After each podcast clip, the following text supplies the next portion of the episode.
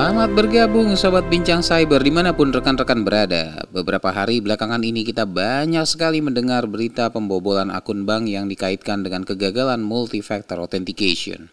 Sehingga dalam episode ke-13 ini Bincang Cyber akan mengangkat bahasan tentang multi-factor authentication. Di samping itu akan diuraikan perbedaan dengan two-factor authentication dan apa juga maksud dari multi-step authentication apakah yang menjadi penyebab terjadinya SIM swap, serta apakah upaya yang dapat kita lakukan untuk meningkatkan penerapan multi-factor authentication serta menekan potensi ancaman yang dapat terjadi di kemudian hari.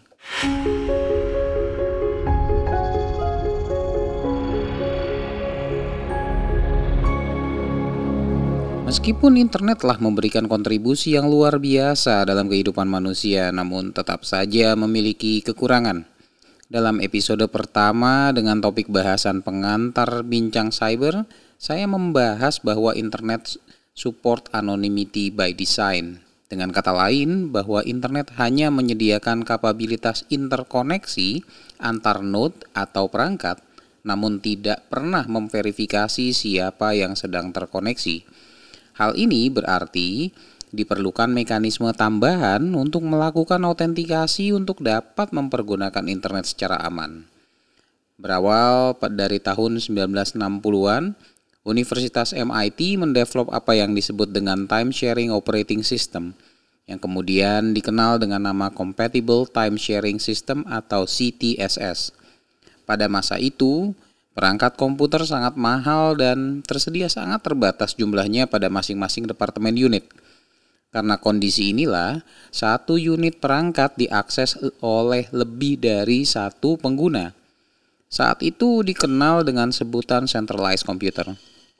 Tahun 1961 inilah mulai diperkenalkan istilah password yang memiliki fungsi utama melindungi data-data pribadi pengguna pada sharing environment. Hingga kemudian pada tahun 1966, Alan Scher, seorang peneliti menemukan celah keamanan yang memungkinkan untuk mendownload password file. Lebih buruk lagi, username dan password yang tersimpan dalam satu file teks ini disimpan dengan struktur mempergunakan clear text. Sehingga dalam kasus ini Allen dengan mudah mendapatkan dan mengakses seluruh username dan password yang tersimpan pada file tersebut.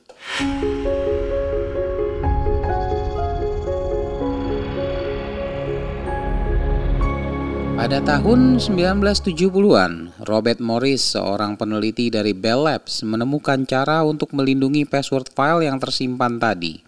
Hal ini merupakan penyempurnaan dari kelemahan CTSS dengan mempergunakan metode enkripsi. Morris menemukan sebuah mekanisme enkripsi dan diberi nama dengan hash function. Mekanisme enkripsi ini memungkinkan komputer untuk menyimpan password dalam bentuk one-way encryption. Password yang diinput saat autentikasi dilakukan akan diproses dengan mengikuti alur enkripsi untuk kemudian dibandingkan dengan hasil enkripsi yang tersimpan dalam password file tersebut. Dalam prosesnya, mekanisme ini mempergunakan salt atau random text string tambahan untuk meningkatkan kompleksitas enkripsi. Karena sifat enkripsi ini yang satu arah, maka meskipun jika password file tersebut bocor, tetap saja password yang tersimpan tidak dapat diketahui. Dikarenakan yang tersimpan adalah hasil enkripsi dan bukan password yang sebenarnya. Kemudian, pada pertengahan tahun 1970-an, ditemukan metode lain dalam enkripsi yang kemudian dikenal dengan sebutan asymmetric encryption. Metode ini memungkinkan pemisahan antara key yang dipergunakan untuk enkripsi atau istilahnya private key dengan key yang dipergunakan untuk dekripsi atau disebut dengan istilah public key. Asymmetric encryption ini ditemukan sebagai hasil penelitian dari Ron Rivers, Adi Shamir, dan Leonard Adelman dengan algoritma RSA asymmetric key-nya. Selanjutnya, asymmetric encryption ini menjadi standar yang bahkan hingga kini masih menjadi sebuah pilihan utama.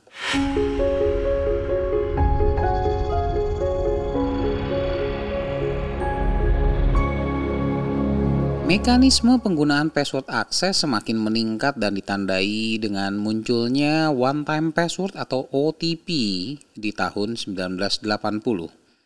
Password yang dipergunakan semakin menurun tingkat keamanannya dikarenakan berpotensi dapat diretas melalui metode brute force, social engineering, maupun man-in-the-middle attack.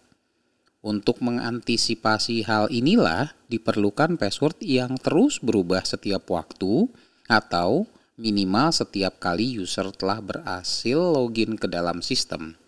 Namun tantangan yang didapat pada tahun 1980-an ini ada terdapat dua hal. Yang pertama, bagaimana menentukan metode yang tepat untuk membuat one time password yang baru setiap waktu yang tidak dapat ditebak, namun dapat divalidasi oleh sistem yang terpusat. Yang kedua, bagaimana metode pengiriman one time password yang aman kepada pengguna. Kemudian akhirnya di tahun 1984, Security Dynamic Technology Incorporation mempatenkan metode OTP dengan mempergunakan device hardware yang kemudian disebut dengan istilah hardware token. Angka OTP yang di-generate akan terus berubah berdasarkan waktu atau istilahnya time based OTP disingkat dengan TOTP. Kemunculan teknologi ini rupanya menjadi awal dari istilah multi-factor authentication yang sekarang ini kita kenal. Meskipun pada era yang sama diberikan istilah lain yaitu two-factor authentication. Periode di mana one-time password menjadi verifikasi tambahan setelah user memasukkan password yang benar.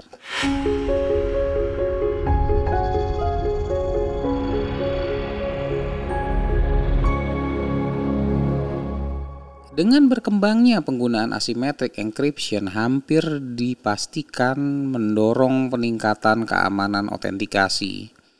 Namun ternyata peningkatan penggunaan public key di sini ternyata memberikan sebuah tantangan baru, yaitu memastikan bahwa key yang digenerate adalah memang betul dibuat oleh orang yang benar atau orang yang e, pemilik akun sebenarnya dan bukan digenerate oleh pertas. Sehingga untuk merespon kondisi ini diperlukan pihak ketiga sebagai trusted party yang dapat memverifikasi public key yang diterima oleh e, penerima. Inilah kemudian menjadi awal perkembangan istilah public key infrastructures. Secara garis besar, public key infrastructure memiliki fungsi untuk memanage proses pembuatan, proses penyimpanan, dan proses pendistribusian key atau digital certificate. Beberapa public key infrastructures hasil development yang dilakukan oleh para peneliti sebenarnya sudah mulai muncul pada dekade tahun 1980-an. Namun baru pada tahun sekitar 1990-an penggunaannya dipopulerkan. Salah satu yang kita sering dengar adalah X509 Digital Certificate yang sudah muncul di akhir tahun 1980-an. Namun pemanfaatannya ternyata baru dipopulerkan di awal dekade 1990-an. Pemanfaatan X509 dan public key infrastructure di dekade 1990-an adalah dengan penggunaan smart card. Smart card yang di dalamnya ditanamkan chip yang tersimpan public key juga dikelola melalui public key infrastructure. Bahkan beberapa smart card juga ditambah PIN sebelum bisa di-unlock dan di, juga dipergunakan. Ini menunjukkan perkembangan two-factor authentication yang menjadi bagian daripada uh, multi-factor authentication. Selanjutnya, brute force dan automated password attack lainnya pastinya akan terus membayangi proses autentikasi. Karena inilah para peneliti di pertengahan dekade 1990-an menemukan teknik verifikasi yang bisa membedakan antara automated password attack yang dilakukan oleh komputer dengan autentikasi legal yang dilakukan oleh manusia. Mungkin ini tidak ada kaitan dengan peningkatan kompleksitas autentikasi, dan hanya bertujuan untuk mencegah otomatisasi yang dilakukan saat verifikasi pengguna. Teknik ini kemudian disebut dengan Completely Automated Public Turing Test to tell computers and humans apart atau disingkat dengan istilah CAPTCHA. Teknik ini melakukan verifikasi menggunakan tampilan image yang menampilkan alfanumerik yang sengaja didistorsi agar membingungkan algoritma automated image recognition yang dimiliki oleh komputer.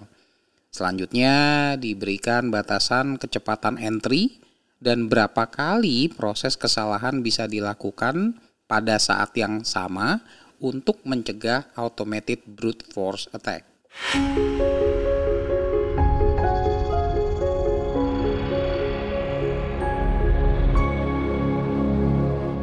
Peningkatan popularitas yang diakibatkan peningkatan penggunaan multifactor authentication pada dekade tahun 2000-an menimbulkan ragam istilah. Sebagian pengguna menyebut dengan istilah two-factor authentication dan sebagian lainnya memberikan sebutan multifactor authentication. Penggabungan penggunaan password yang diikuti dengan one-time password memang cocok disebut dengan two-factor authentication. Namun, Penambahan faktor lainnya seperti biometrik dalam mekanisme autentikasi tentunya tidak cocok disebut dengan two-factor authentication. Hal ini dikarenakan ada lebih dari dua faktor yang terlibat. Pertama, password itu sendiri, kemudian yang kedua dengan one-time password, dan yang ketiga faktor biometrik yang terlibat. Kita bisa lihat di sini bahwa setidaknya ada tiga faktor yang terlibat jadi itulah sebabnya kenapa istilahnya tidak cocok disebut dengan two-factor authentication. Hingga tahun 2020 ini, setidaknya ada lima faktor yang dijadikan sebagai bagian dari multi-factor authentication. Kelima faktor tersebut saya sebutkan dalam urutannya. Adalah yang pertama, something you know, artinya sesuatu yang diketahui oleh pengguna biasanya adalah merupakan password, namun pada kasus lainnya ada yang juga disebut dengan istilah PIN. Yang kedua, something you have, artinya sesuatu yang dimiliki oleh pengguna. Ada yang berupa SMS notification yang diterima. Selain itu, ada yang berupa software token yang terinstall pada mobile phone, contohnya Authy Google Authenticator dan masih ada banyak beberapa lagi. Sebagian lainnya mempergunakan hardware token yang menampilkan angka yang terus berubah. Faktor yang ketiga, something you are, artinya autentikasi dilakukan dengan membandingkan biometrik pengguna data verifikasi yang sudah tersimpan. Yang keempat, hal ini cukup jarang diketahui yaitu somewhere you are. Artinya proses akan memperhatikan lokasi geografis pengguna saat pengguna melakukan autentikasi. Pengguna yang berasal pada daerah yang memiliki perbedaan lokasi geografis saat proses autentikasi dilakukan akan berpotensi diduga sebagai pertas. Hal lain yang faktor yang kelima yang juga jarang kita ketahui adalah something you do. Artinya proses verifikasi dilakukan berdasarkan gesture atau touch yang dilakukan oleh pengguna. Hal yang umum diverifikasi adalah kecepatan user ketika mengetik password, bahkan perpindahan ketikan antara satu karakter dengan karakter yang lainnya jika dianalisa, setiap user memiliki keunikan. Hal ini merupakan bagian daripada mekanisme verifikasi something you do. Hal lain adalah pengguna diminta untuk menggambar lingkaran atau bentuk lainnya yang kemudian akan direkam dan dijadikan bagian dari autentikasi. Kecepatan pengguna dan arah garis yang digambarkan pada image tersebut saat verifikasi akan dijadikan pertimbangan dalam autentikasi untuk menentukan apakah user yang sedang diverifikasi adalah user yang sama berpatokan pada urutan faktor yang pertama hingga yang kelima yang saya baru saja sebutkan, maka jika disebut dengan two-factor authentication, maka dua faktor yang dijadikan bagian adalah poin nomor satu, yaitu something you know, dan poin nomor dua, yaitu something you have, atau SMS notification yang tadi kita saya jadikan sebagai contoh. Sementara jika disebutkan three factor authentication, maka kedua poin yang baru saja saya sebutkan ini ditambah dengan something you are atau komponen biometrik dan seterusnya sehingga menjadi five factor authentication. Sehingga jika kita dibilang eh, jika dibilang kompleks dalam penyebutan atau mungkin tidak dijelaskan berapa faktor yang dijadikan tahapan verifikasi, maka semua ini bisa disingkat dengan istilah multi-factor authentication.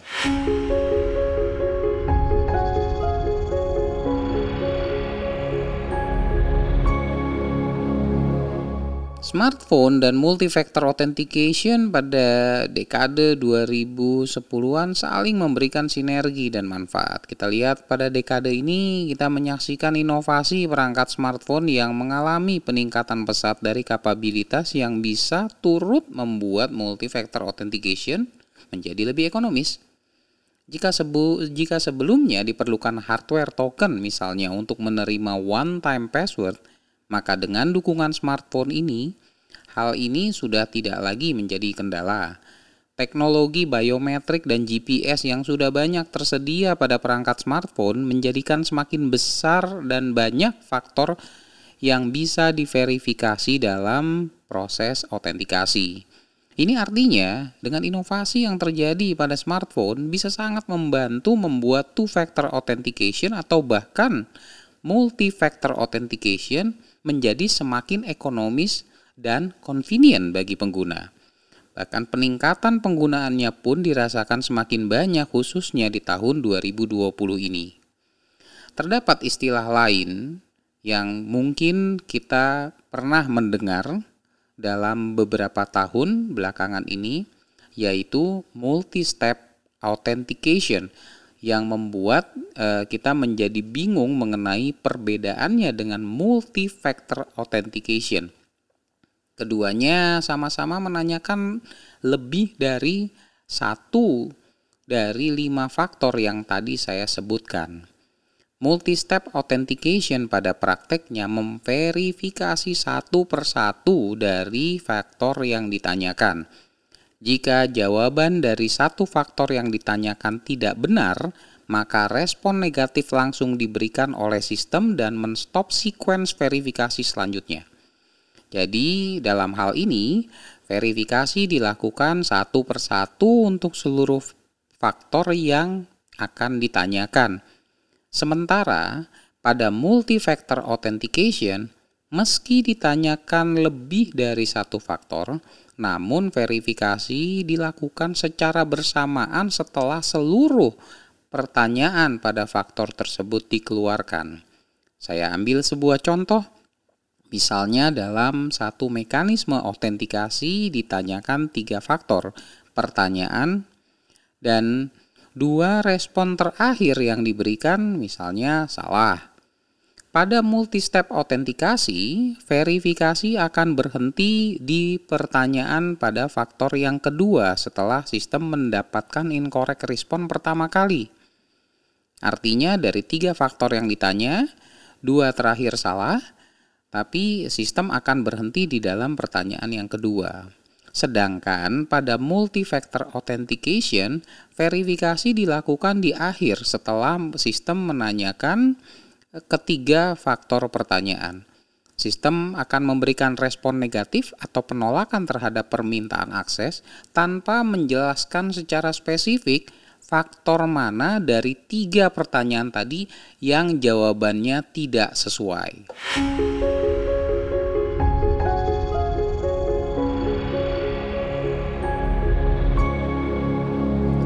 Di Indonesia baru-baru ini sedang maraknya pemberitaan tentang pembobolan rekening kartu debit dan kredit bank dengan memanfaatkan kelemahan dari two-factor authentication. Hal ini sebenarnya tidak hanya terjadi di Indonesia namun juga di negara lain. Hal ini dimungkinkan dengan mekanisme social engineering sebagai salah satu penyebabnya. Untuk bisa melakukan pertukaran SIM card misalnya, Peretas pastinya perlu menghubungi operator GSM dan memberikan data pribadi seperti seolah-olah dilakukan oleh pemilik nomor yang sebenarnya. Informasi yang diberikan oleh scammer ini atau si penipu dikumpulkan pada dasarnya secara bertahap yang bersumber dari aktivitas keseharian pemilik di dalam sosial media ataupun di internet secara umum. Dalam beberapa kasus, Scammer bahkan tidak segan untuk mengunjungi tempat yang sering dikunjungi oleh pemilik akun sebenarnya. Banyak yang tidak menyadari bahwa sebagian besar layanan sosial media yang kita gunakan semakin mewajibkan untuk mendaftarkan nomor telepon. Artinya di sini eh, jika seluruh informasi yang berhasil dikumpulkan secara bertahap Inilah yang pada akhirnya dipergunakan scammer untuk menipu pihak lain dengan mengatasnamakan pemilik yang sah. Hal ini pula berarti kelemahan dari penerapan multi-factor authentication melalui penerapan social engineering adalah bergantung pada banyak sedikitnya data pribadi dan aktivitas akun serta timeline sosial media. Hal ini pula semakin dimungkinkan dengan banyaknya tools yang beredar secara gratis untuk mempercepat proses pengumpulan data aktivitas kita di sosial media. Hingga dalam waktu yang relatif singkat, scammer dapat mengetahui dan melacak semua akun ID sosial media lengkap dengan email dan nomor handphone hanya dengan mengetahui satu email address sebagai parameter input. Tidak hanya sebagai alat dalam social engineering, namun hal ini juga bisa mengarah pada identity theft jika diteruskan lebih lanjut.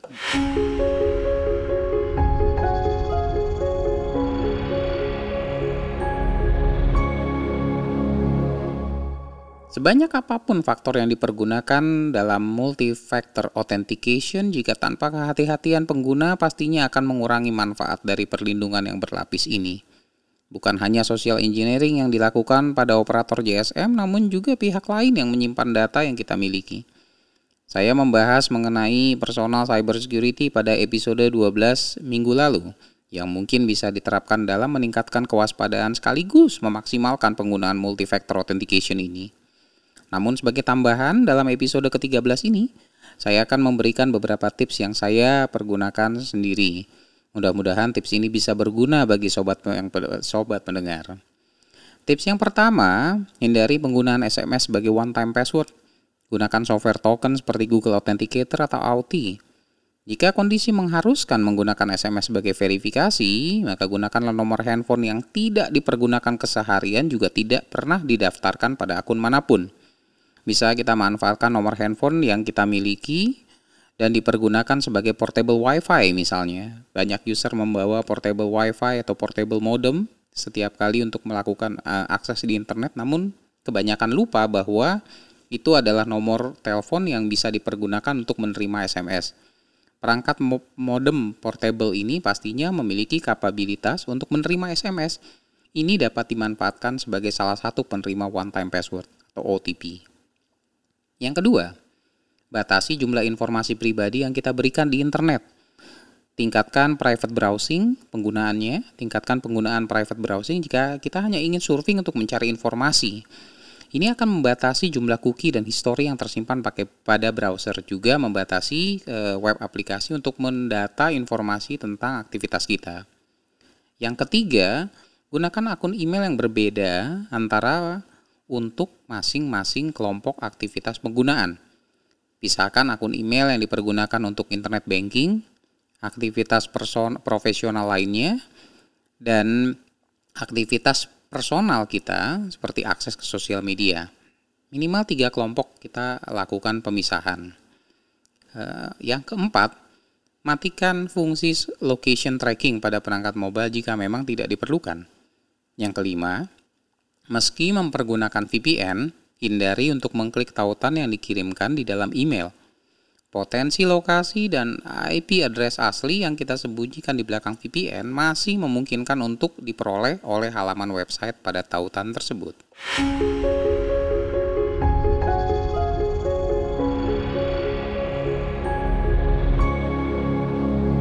Tidak ada sebuah pertahanan cybersecurity yang sempurna dan untuk itulah kita perlu terus belajar dan meningkatkan kewaspadaan.